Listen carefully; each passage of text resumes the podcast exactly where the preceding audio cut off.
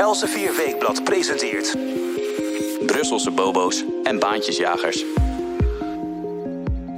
Voor het eerst sinds de coronacrisis komen de leiders van de EU-landen weer fysiek bij elkaar in Brussel. De inzet? Het herstelfonds van 750 miljard euro voor de landen die het zwaarst zijn getroffen door de lockdowns vanwege corona.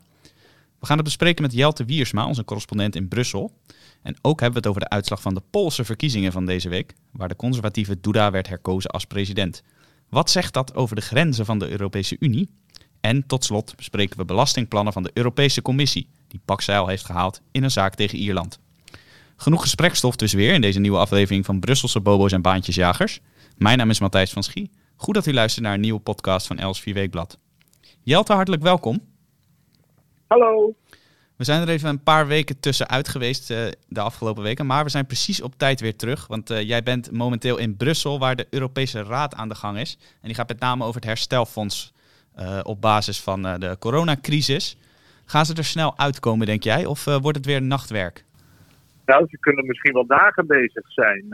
je moet je voorstellen, de leiders van de 27 EU-landen, de regeringsleiders zijn dat, die uh, zijn sinds uh, vrijdagochtend uh, in Brussel bij, bijeen. En ze gaan sowieso zaterdag nog verder. En mogelijkerwijs, zeggen diplomaten, al kan het ook wel tot en met zondag duren. Um, waarbij geldt dat naast het noodfonds, het herstelfonds van 750 miljard euro waarover zoveel te doen is, ook de Europese meerjarenbegroting op tafel ligt. Dus er zijn twee thema's die door de Europese Commissie, door commissievoorzitter Ursula von der Leyen, bij elkaar zijn gegooid.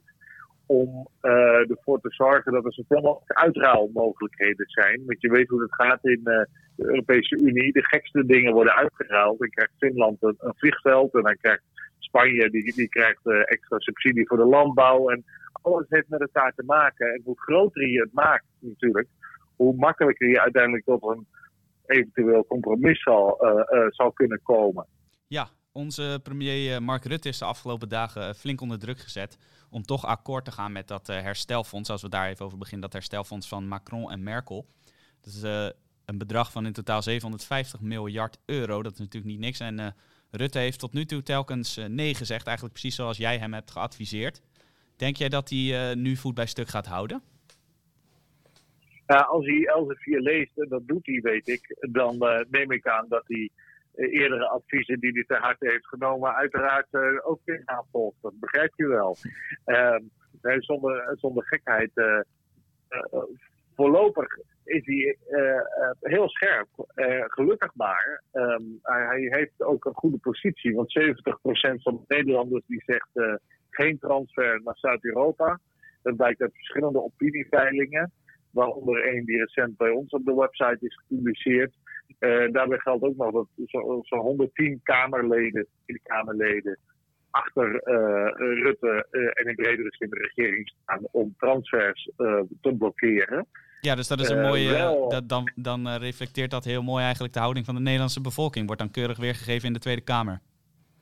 Ja, er wordt wel gesproken over een kloof tussen politiek en burger. Uh, nou, die kloof is in sommige gevallen ook wel goed uh, natuurlijk. Uh, maar in dit geval zijn, zijn bevolking, Kamer en de regering het van harte met elkaar eens. En dat maakt Rutte's positie natuurlijk wel sterker.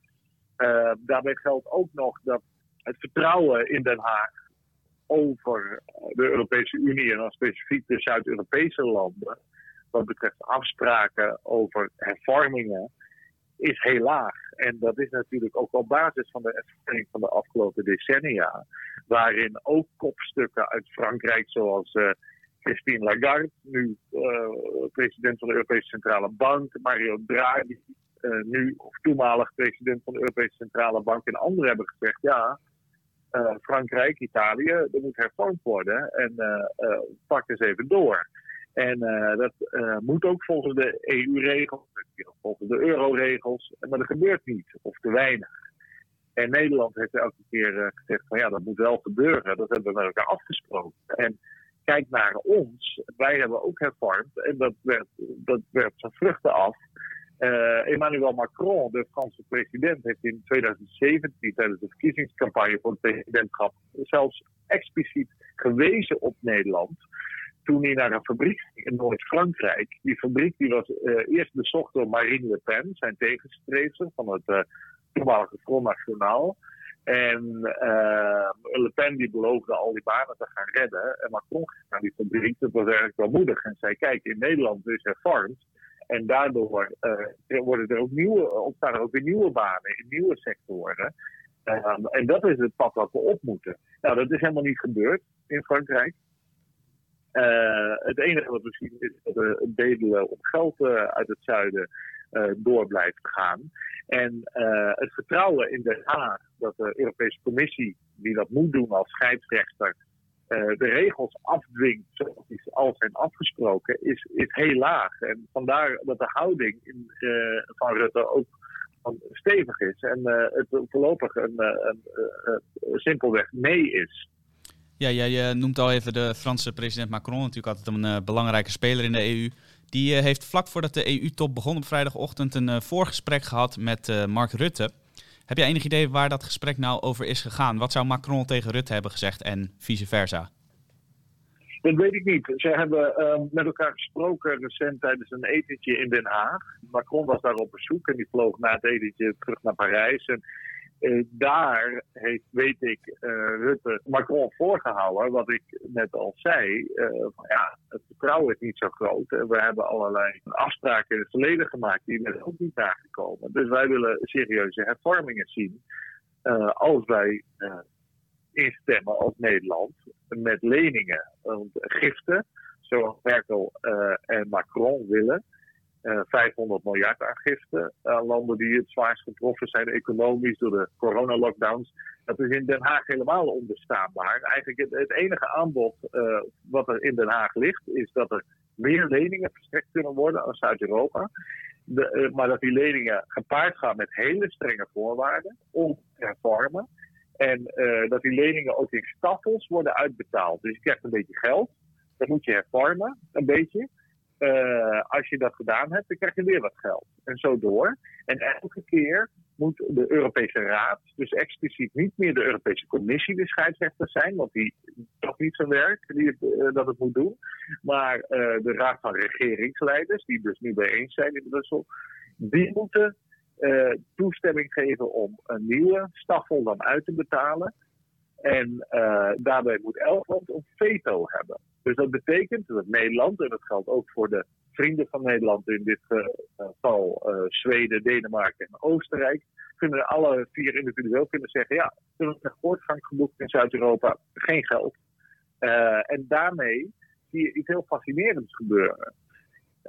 Wat Rutte eigenlijk voorstelt als counter op de voorstellen van Merkel en Macron, en die in meer details zijn uitgewerkt door raadsvoorzitter Charles Michel en de commissievoorzitter Ursula von der Leyen, is uh, een machtsovername van bestuur in Zuid-Europa door effectief uh, deze vier landen, uh, Nederland, Oostenrijk, Denemarken en Zweden. En dat hebben we eerder gezien tijdens de eurocrisis.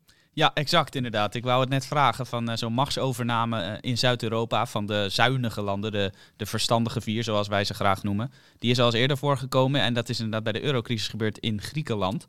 En wat voor effect had dat nou, dat, uh, die machtsovername daar? Ja, dat is heel boeiend, vind ik, om te zien. wat er gebeurde is dat op dat moment Wolfgang Schäuble, de Duitse minister van Financiën, de, de scherpste speler was, de hardste speler. En die zei, ja, er gaat geen cent naar Griekenland uh, op het moment dat er geen uh, vormingen plaatsvinden. En eigen, wij eigenlijk als Duitsland effectief het bestuur van het land gewoon overnemen. Wij dwingen het land om van alles uh, te hervormen, belastingen te heffen, eindelijk eens eens, want dat doen ze heel vaak niet.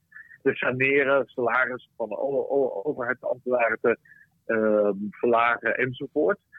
En, en uh, doen ze dat niet, ja, dan laten we de tent failliet gaan. Dan is het uh, dikke pech voor Griekenland. Nou, dat is gebeurd aan de hand van de zogenoemde trojka. Dat is de, de, beroemde mannen en vrouwen met en blauwe pakken die dan op het vliegveld van Athene aankwamen. En die, die trojka, bestond uit het IMF, de Europese Commissie en ehm, tegenwoordigers uiteindelijk van de Europese Raad, als ik het begrijp. En die, ja, die hebben gewoon een programma voor Griekenland opgezet. En gezegd, dit moet er gebeuren. Toen hebben de Grieken die voor Syriza, de nieuwe partij stemde van de toenmalige premier Alexis Tsipras, wel daartegen gestemd. Eerst in een referendum. En ze hebben tot twee keer toe Tsipras premier gemaakt in, in verkiezingen. Uh, en die beloofde elke keer niet te doen wat de trojka eiste. En effectief dus Duitsland eiste. Maar uiteindelijk is hij gebogen. En heeft hij uh, uh, keurig uitgevoerd wat er moest gebeuren. En het gevolg daarvan is dat er behoorlijk goed gesaneerd is. Dat er belastingen worden geïnd, dat er een overschot is op de begroting jaarlijks. En dat de economie ook weer goed groeit. Dus het medicijn werkt. En in Italië is eigenlijk hetzelfde gebeurd, in minder heftige mate. Maar in 2011 is daar Mario Monti geïnstalleerd als premier. Nadat Berlusconi, de beroemde Silvio Berlusconi, effectief eruit is gejaagd door Merkel. Merkel die wilde af van Berlusconi, want die hield zich helemaal nergens aan. En uh, er is zelfs geprobeerd door de Europese Commissie, op aandrang van de Duitsers ook wel, om de Amerikanen druk te laten uitoefenen op Berlusconi om uh, op te stappen. Dat is ongehoord, hè? Dat is ongehoord. Dat heeft een voormalige ambassadeur van de Verenigde Staten in Brussel bij de Europese Unie heeft dat in zijn biografie opgeschreven. Dus je ziet eigenlijk, het zijn soort halve staatsgrepen die daar plaatsvinden. Ja, in Europa zijn we dat toch niet zo gewend, een, een staatsgreep. Dat is meer iets van Zuid-Amerika en, uh, en andere continenten. Nou ja, Griekenland heeft ook wel een paar staatsgrepen gekend hoor. Dus uh, dat gebeurt wel eens. Uh, maar uh, via de achterdeur en eigenlijk op een heimelijke manier gebeurt dat. Wordt de democratie in die landen uitgeschakeld. Ja, jullie kunnen dat niet. Jullie kunnen je niet aan de spelregels houden via democratische weg.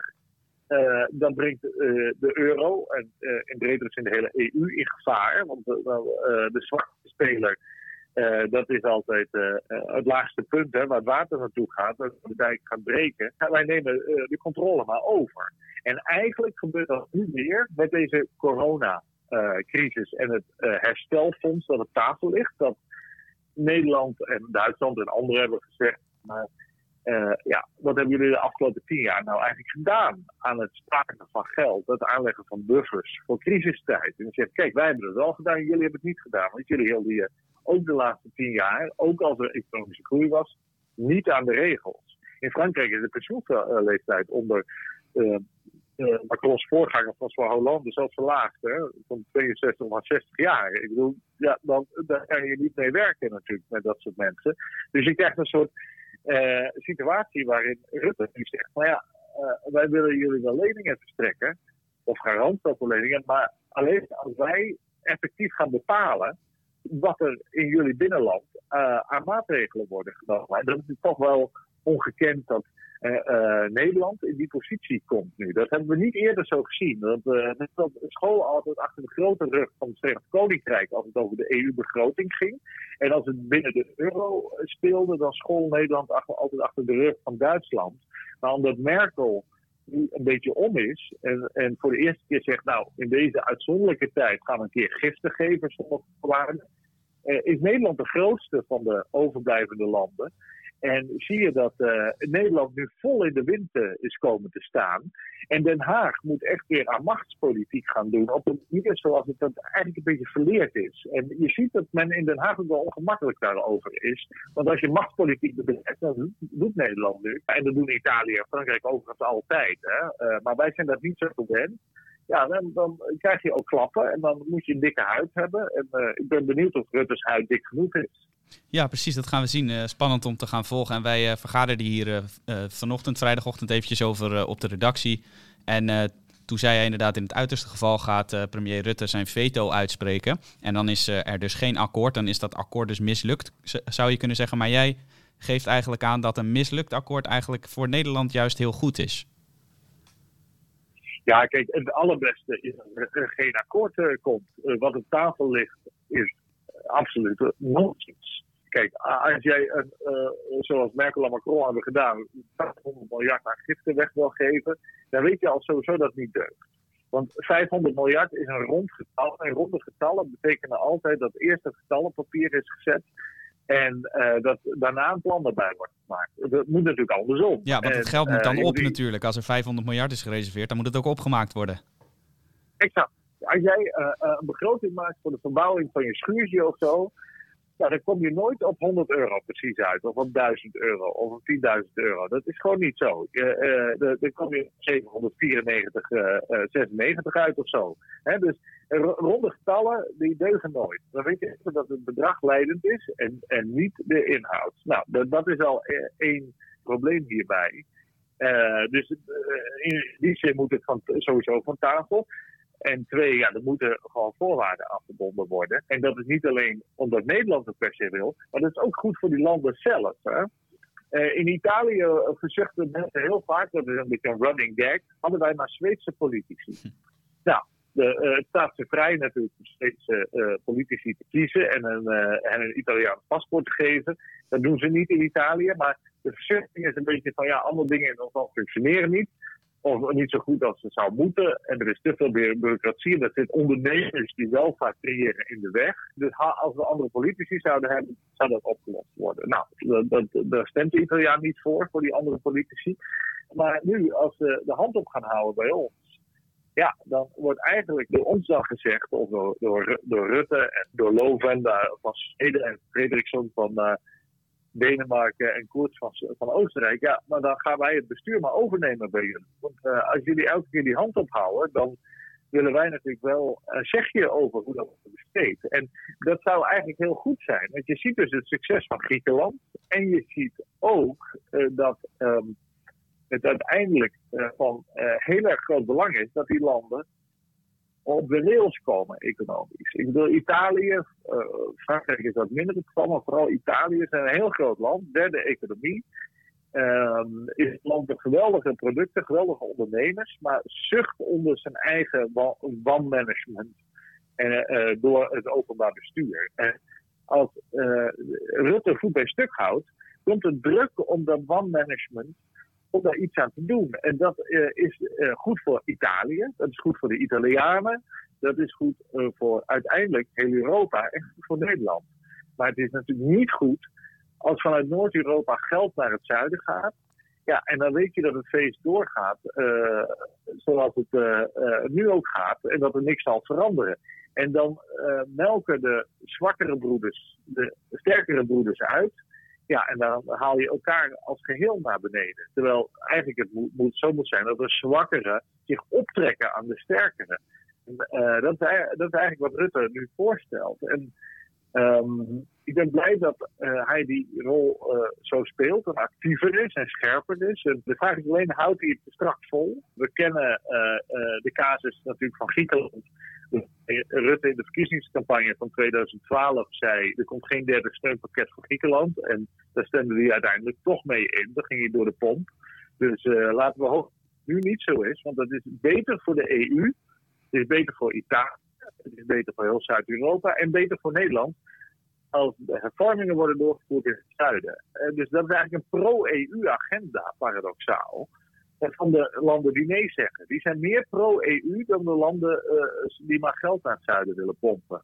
En dat, in, zo wordt dat zelden bekeken. En dat begrijp ik wel, omdat de diepte van het denken over de EU vaak niet zo heel, heel uh, goed is of groot is. Maar het lijkt me verstandig om dat perspectief aan te nemen. Nou, duidelijk verhaal. Laten we dan inderdaad hopen dat Rutte in het belang van Nederland, maar dus van de hele EU uh, voet bij stuk houdt en niet door de pomp gaat. Dat, uh, dat weten we eigenlijk waarschijnlijk pas na het weekend. Want uh, de verwachtingen zijn weinig optimistisch dat het heel snel tot een akkoord gaat komen. Maar, dat zijn toch goede Nederlandse uitdrukkingen, hè? Voet bij stuk en door de pomp. Ja, geweldig, en, geweldig. Wat een rijkdom heeft onze taal. Ja, we moeten die taal aan ere houden. Dat doen wij hier in de podcast gelukkig vaak. Dat is heel goed inderdaad.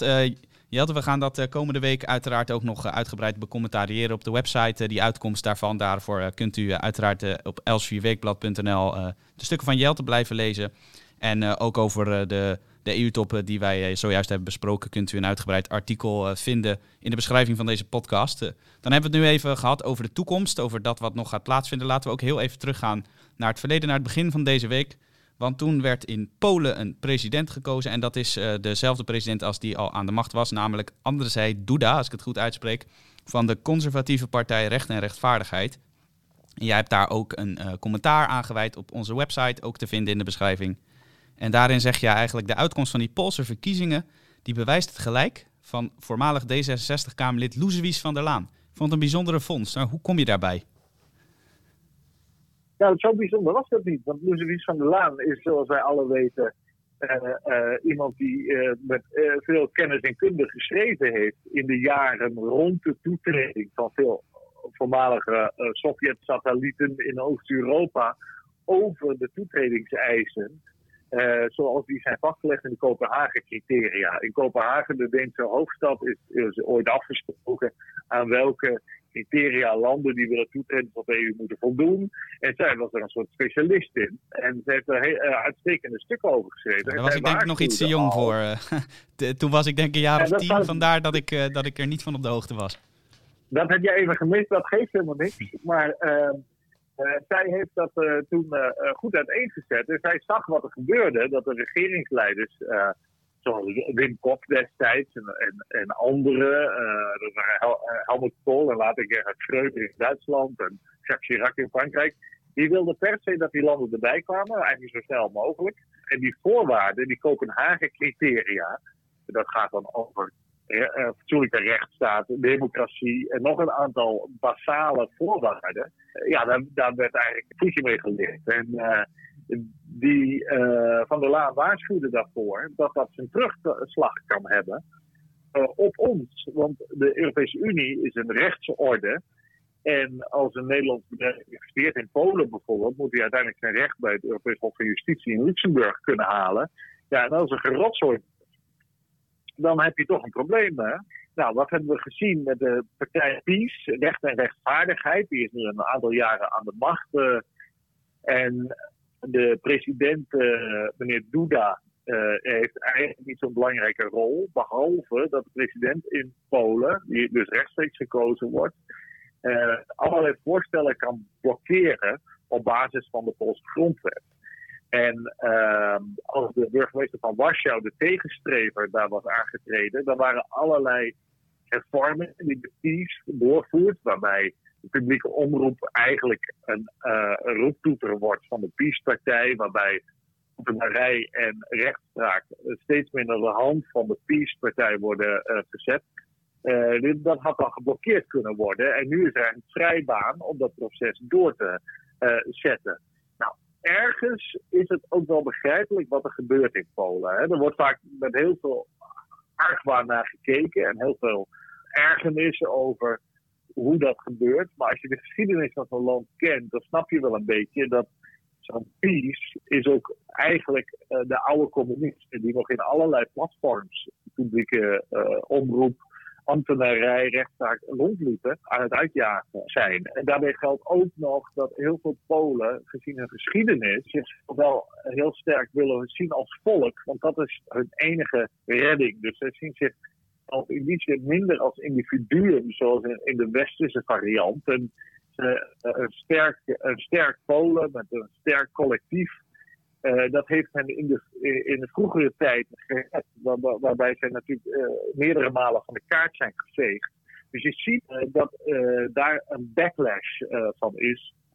En dat zit in dat land. Nou, gespleten, want de helft van de mensen heeft ongeveer op Duda's tegenstrever stemt, die overigens ook van een rechtse partij is. Die kan alleen maar rechts of rechts uh, stemmen daar. Maar goed dat je het zegt, het is geen uh, overweldigende meerderheid waar die mee heeft gewonnen. Dat is wel een belangrijk nee, nee, nee, nee, nee, nee. Dus er, zijn, er is absoluut een, een scheidslijn in dat land. Uh, maar wat we ongetwijfeld gaan zien is dat de confrontaties met de Europese Commissie, onder de vorige legislatuur van Jean-Claude Juncker met toen uh, de vicepresident Frans Timmermans een hoge vlucht heeft genomen, dat die nog verder zal gaan. Uh, de commissie is ongetwijfeld nog verder uh, procedures tegen Polen beginnen en zeggen, ja, jullie houden hier niet aan regels. Uh, wat mij zo fascineert is de positie nu van Duitsland. Want je ziet dat Duitsland eigenlijk een, heeft een westkant, hè, die, dat grenst aan Nederland en, en België en, en Frankrijk een liberale traditie heeft. En Duitsland heeft een oostkant, wat veel conservatiever eigenlijk is. Heel veel uh, halen ook die Link en ASD en dat soort partijen de, steun. En je ziet dat Frankrijk heel hard is op Polen en ook Hongarije. Die zegt nee, nee, nee, nee, nee. Als jullie met die rechtsstaat gaan rommelen en dat gaan politiseren, dan pakken we jullie en dan willen we de subsidies naar jullie kort via de EU-begroting. En Duitsland die, die is daar veel voorzichtiger in. Je ziet dat Angela Merkel, die uit Oost-Duitsland komt, die heeft haar scherpte daar, uh, die ze voorheen wel had, al in stilte, uh, heeft ze een beetje laten varen. En die zegt van nou ja, we moeten maar een beetje kijken hoe dat verder gaat. En dat heeft ook te maken ermee dat de CDU, haar partij en de CSU zijn lid van die Europese Volkspartij waar het CDA ook bij zit. En die Europese partij wordt steeds Oost-Europeeser eigenlijk. Uh, want de christen-democraten in het westen en in Scandinavië en zo worden eigenlijk steeds kleiner. Er worden marginale partijen, wat bij ons ook het CDA is gebeurd en zo. Terwijl die in het oosten veel groter worden. En die gaan die Europese Volkspartij, de grootste politieke familie in de Europese Unie, domineren. Ja, dan heb je het bijvoorbeeld ook over partijen als, uh, als Fidesz, hè, van de Hongaarse premier Orbán. Exact, exact. En uh, je krijgt dus een situatie dat, dat en Van der Laan, Louis van der Laan van D66, waarschuwde daar eigenlijk impliciet al voor in zoveel woorden. Dat je krijgt een soort reverse takeover misschien wel. Om maar uh, uh, een beetje stout te zijn en een Engels begrip te gebruiken. De, ehm, de gedachte vanuit het Westen was enigszins arrogant. Hè? Wij gaan die landen daar opnemen in de politieke familie van Europa en beschaven volgens onze Ze worden vanzelf liberale tradities. Uh, want het is ook enigszins gelukt, zou je kunnen zeggen, in Spanje en Portugal en Griekenland. Uh, al, hè, landen die nog tot voor kort niet zo heel lang geleden dictaturen waren. Dat moeten we niet vergeten. En die, dat zijn ook algemeen vrij stabiele democratieën geworden. Maar ja, er zijn nu tien van die landen lid. En er komen met Albanië en Noord-Macedonië misschien nog wel meer bij. Uh, het Verenigd Koninkrijk als echt liberaal land is eruit. Al, hè, met een, een, goede, goede rechtspraak, uh, media en, en, enzovoort. Dus wat gaan we zien? Het kan wel zijn dat we over 100 jaar in een Europese Unie zitten, waarbij Oost-Europa de dominante macht is. Dat is niet uit te sluiten. En die grens van het Oost- en West-Europa loopt eigenlijk dwars door Duitsland. En je ziet Duitsland worstelt daarmee. Vind ik een heel boeiend thema. en ik ben heel benieuwd hoe het gaat uitpakken de komende jaren. Zeker interessante ontwikkelingen om in de gaten te houden. Een groot langdurig proces dat in deze podcast ongetwijfeld nog heel vaak ter sprake gaat komen. Dan voordat we gaan afronden wil ik tot slot nog heel eventjes kijken naar een zaak van de Europese Commissie tegen Ierland. Daar heb jij ook over geschreven op onze website. Het gaat namelijk om Europees commissaris Vestager. Zij gaat over mededinging.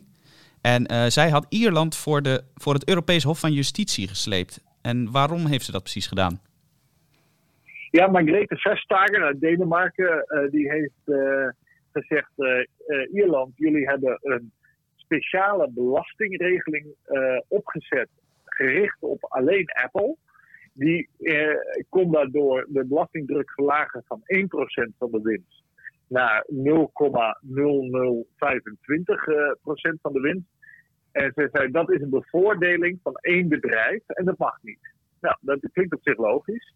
Maar ze heeft het verloren bij het Europees Hof van Justitie. Het Hof van Justitie heeft gezegd: ja, de Europese Commissie heeft niet fatsoenlijk aannemelijk kunnen maken dat deze regeling specifiek en alleen voor Apple was uh, opgezet.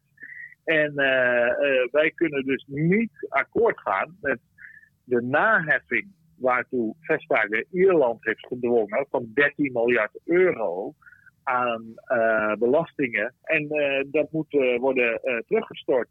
en wat je dus ziet is dat dit is nou al de zoveelste keer. Ze heeft ook in de zaak tegen Nederland over Starbucks verloren, Vestager. Er is nog een andere zaak geweest van een aantal bedrijven in België. Die heeft ze ook verloren. Ze heeft één zaak gewonnen. Dat had ik eerst een keer begrepen, maar dat is via Chrysler. Die zaak heeft ze wel gewonnen. Uh, maar de meeste zaken gaan kapot bij het Hof van Justitie. Nu is er in de Apple-zaak nog een mogelijkheid tot beroep. Uh, dus we gaan zien hoe dat uitpakt. Heel aardig is natuurlijk dat het een discussie is die heel veel losmaakt. Omdat NKB'ers die zeggen, ja, wij krijgen dat soort belastingen aan, aanbiedingen niet van nationale overheden. Waarbij we 0,0025% belasting betalen. En dat is natuurlijk waar. Nu ben ik altijd een beetje sceptisch over hoge belastingen. En ik ben altijd voor lage belastingen. Hoe lager, hoe beter zou ik zeggen. Dus in die zin zou ik zeker niet willen pleiten dat die belastingen voor multinationals omhoog moeten. Maar ik zou wel willen zeggen, de belastingen voor MKB'ers en voor werknemers zou uh, fors naar beneden moeten. Uh, maar goed, we leven uh, één keer in Europa en daar denken heel veel mensen dat politici verstandiger met jou en mijn geld kunnen omgaan dan wij dat zelf kunnen. dus dat zal wel niet gebeuren. En in dat licht kan je zeggen, ja, is het, is het niet onredelijk als er wat ruimte komt om landen in ieder geval een klein beetje belasting te laten heffen op die bedrijven. Ah, er is nog wel één ander punt als laatste dat daarbij speelt. Al, als je belasting zou heffen eh, en als de Europese Unie landen zoals Ierland en Nederland zou dwingen hoge belastingen uh, of hogere belastingen te heffen op bedrijven zoals Apple en zo, dan zullen die allemaal uiteindelijk een Europese hoofdkantoor of een mondiale hoofdkantoor in een groot land gaan vestigen. En dat zal dan Engeland Frankrijk, Duitsland of, of, de Verenigde Staten of zoiets zijn. Dus die lagere belastingen zijn eigenlijk ons, ons enige concurrentievoordeel ten opzichte van die grote landen? Ja, ja, dat zie je heel sterk. Dus het zijn ook alleen de kleintjes die het doen. Je ziet de Cyprus, Malta, Luxemburg, België, Nederland, Ierland. Dat, die zijn het actiefst uh, daarin. Uh, want die hebben zelf een hele kleine binnenlandse markt. En uh, ja, bedrijven gaan toch uiteindelijk dan liever in Duitsland zitten met een hoofdkantoor, want er is al een Europese interne markt. Maar goed, als je, uh, er zijn toch zoveel nationale regels ook.